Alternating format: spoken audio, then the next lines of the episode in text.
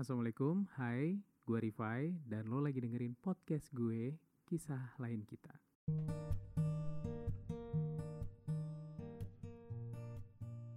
Oke, di episode kali ini gue akan ngebahas sesuatu fenomena yang sedang terjadi nih di Indonesia.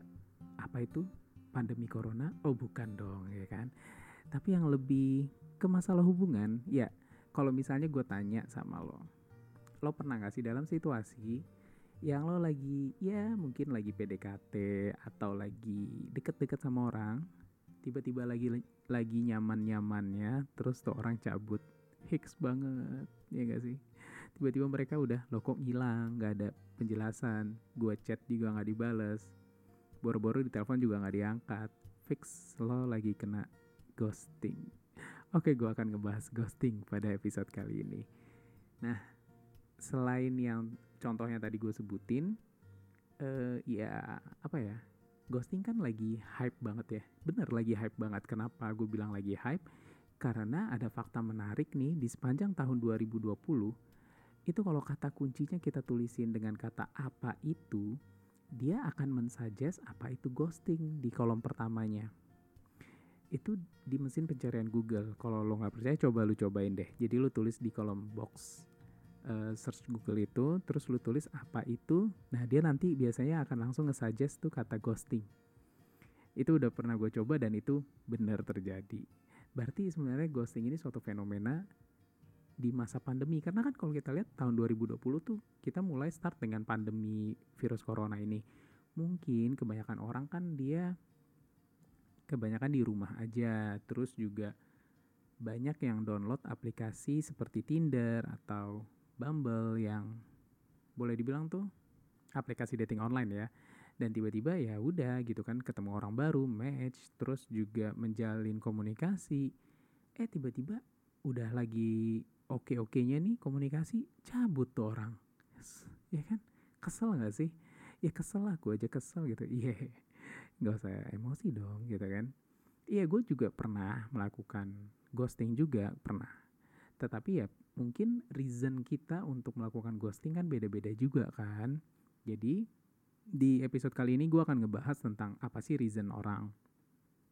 Kenapa sih dia tuh ngelakuin ghosting. Terus juga cara-cara biar lo nggak kena ghosting.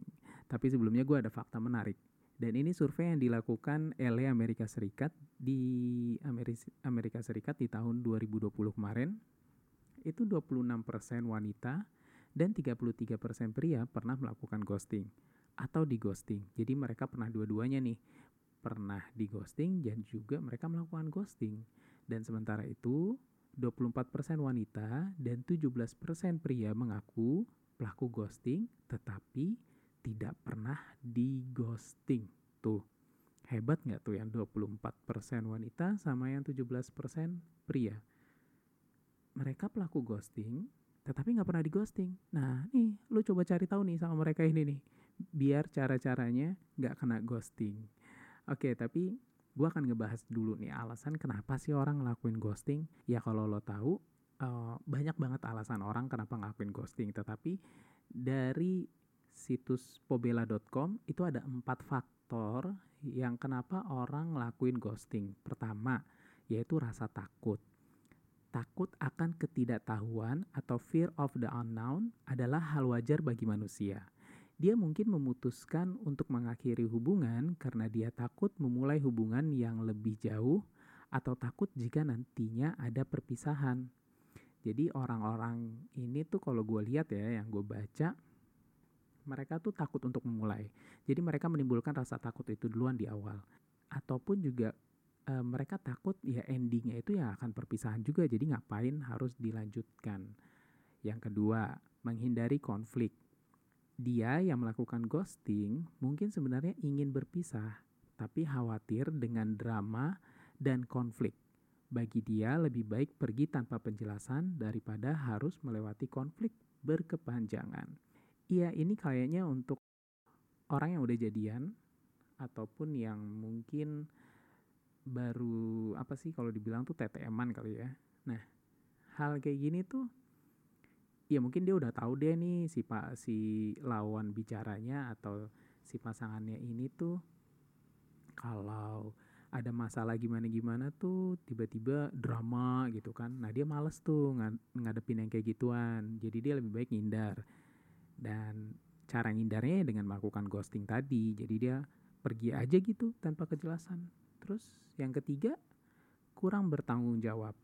Jika lo baru saja dalam tahap pendekatan dengannya, atau kenal dengan orang baru yang tiba-tiba ghosting, dia mungkin merasa tak perlu menjelaskan apa-apa saat pergi darimu. Baginya, tak ada keharusan untuk memberi penjelasan padamu karena dia merasa hal itu bukan hal yang besar. Jadi kalau orang yang kayak gini tuh ya merasa dia nggak punya tanggung jawab apa ya eh, eh, nggak eh, punya rasa tanggung jawab gitu. Nggak nggak nggak ada beban lah maksudnya. Ketika lo lagi kenalan ya udah gue mau cabut cabut aja gitu. Toh kita bukan siapa-siapa gitu kan. Toh juga baru deket-deket doang gitu kan. Nah terus yang keempat yaitu self care bisa jadi dia merasa hubungan denganmu adalah hubungan yang toksik, sehingga dia memilih keluar dari hubungan secara tiba-tiba untuk kebaikan dirimu. Tidak ada salahnya melakukan refleksi diri jika hal ini yang terjadi. Nah, itu tadi empat faktor kenapa orang melakukan ghosting. Jadi setelah kita udah tahu, ya mungkin itu alasan-alasan orang yang pelaku ghosting tadi ya. Tetapi relate lagi ke masalah, eh, sorry, ke apa yang pernah gue alami ya gue kadang-kadang kalau ngelakuin ghosting ya jujur aja gue kadang-kadang mungkin nggak nyaman dengan obrolannya terus juga bukan tipe gue ya udah gue akhirnya ya cabut gitu aja. Karena memang ya gue bukan nggak ya gimana ya kalau mau dibilang oke okay, mungkin gue nggak punya rasa tanggung jawab gitu. Tapi kan kayak kita kayak harus ngomong gitu dulu apa eh kayaknya kita nih nggak nggak asik nih atau kita kayaknya kurang enak nih jadi temen aja. Ataupun kita cukup sebagai temen deh gitu kan. Tapi kayak gitu tuh kayak malah kayak menambah apa ya iya asumsi orangnya beda nanti takutnya kalau gue gitu kan ya gue nggak tahu nih kalau misalnya lo yang pernah ngelakuin ghosting alasan lo apa nih hmm, gue akan ngebahas lagi soal dampak ghosting di kehidupan jadi menurut studi ilmiah yang udah pernah dilakukan, ghosting adalah upaya terburuk untuk mengakhiri suatu hubungan. Entah itu hubungan asmara atau hubungan pertemanan. Perilaku ghosting justru dapat memicu konflik yang lebih besar di kemudian hari. Ini sebenarnya bisa gue gue gambarkan adalah seperti ini. Jadi kayak Iya, lo kan sama aja kayak ghosting itu menghindari konflik ya. Jadi ngindarin masalah tadi gitu. Jadi ya mungkin nggak ada suatu kejelasan gitu kan yang nanti kan membuat orang yang di ghostingin itu bertanya-tanya nih kenapa sih uh, lo cabut gitu aja? Kenapa lo nggak ada penjelasan gitu aja? gitu kan terus juga poin yang kedua beberapa pelaku ghosting dari studi yang pernah dilakukan juga mengaku merasa bersalah di kemudian hari merasa menjadi pengecut dan justru membuat rasa sakit seseorang yang digosting sulit hilang, bisa menyebabkan trauma dan takut menjalani hubungan baru. Nah, nih kita juga eh, kayaknya gue harus sadar juga nih ya sama diri gue.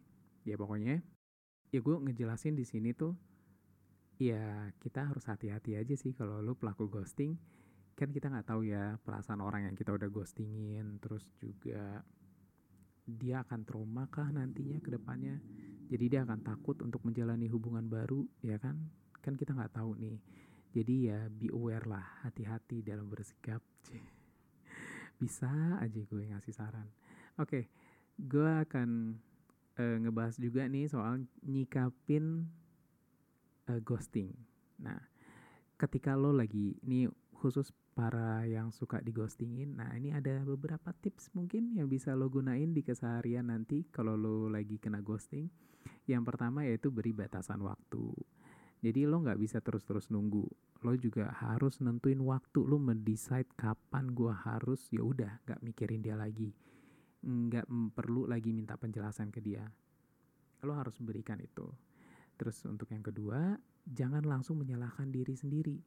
Nah, ini yang tadi ya, uh, eh, gue coba jelasin ketika dia nggak memberikan penjelasan, ketika dia tidak memberikan suatu keputusan, bukan berarti semata-mata lo yang salah.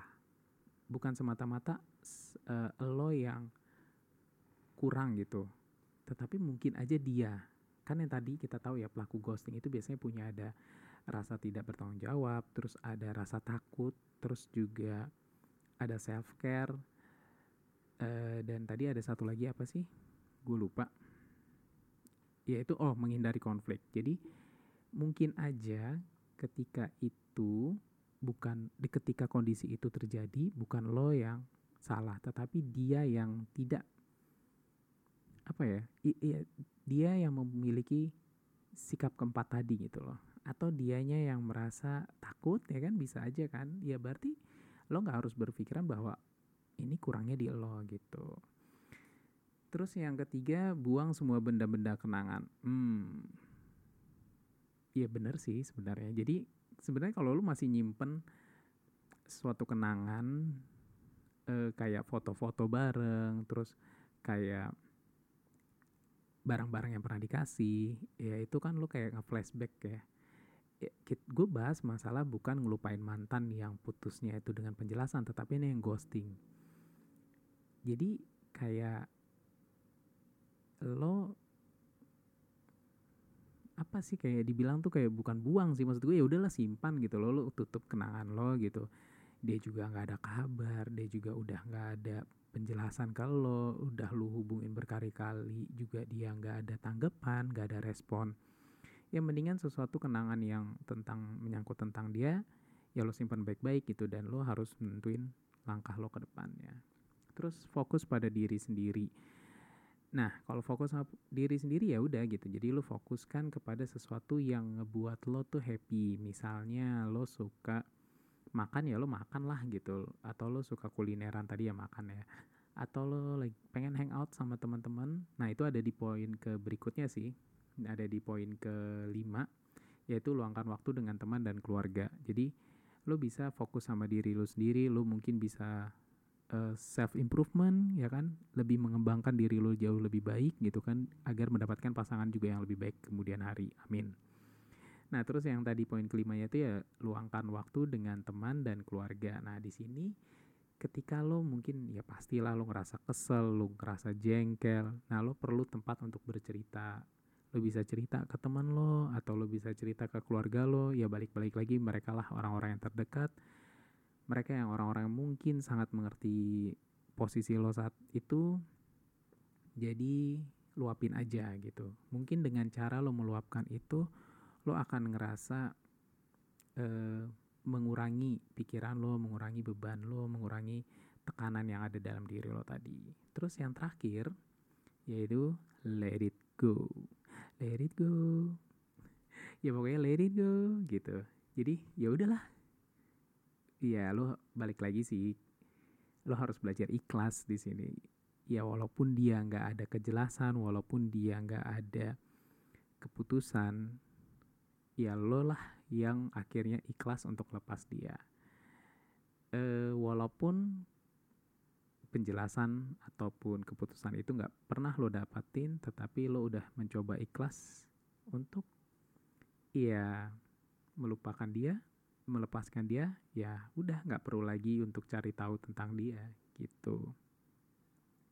Nah itu yang bisa nah itu yang tadi yang gue bisa sampein. Mungkin ya sedikit banyak bisa ngebantu lo. Dan ya gue berharap jangan ngeghostingin lagi atau ya udah deh kalau lo yang kena ghosting lo bisa tahu cara-caranya untuk uh, segera recover ya.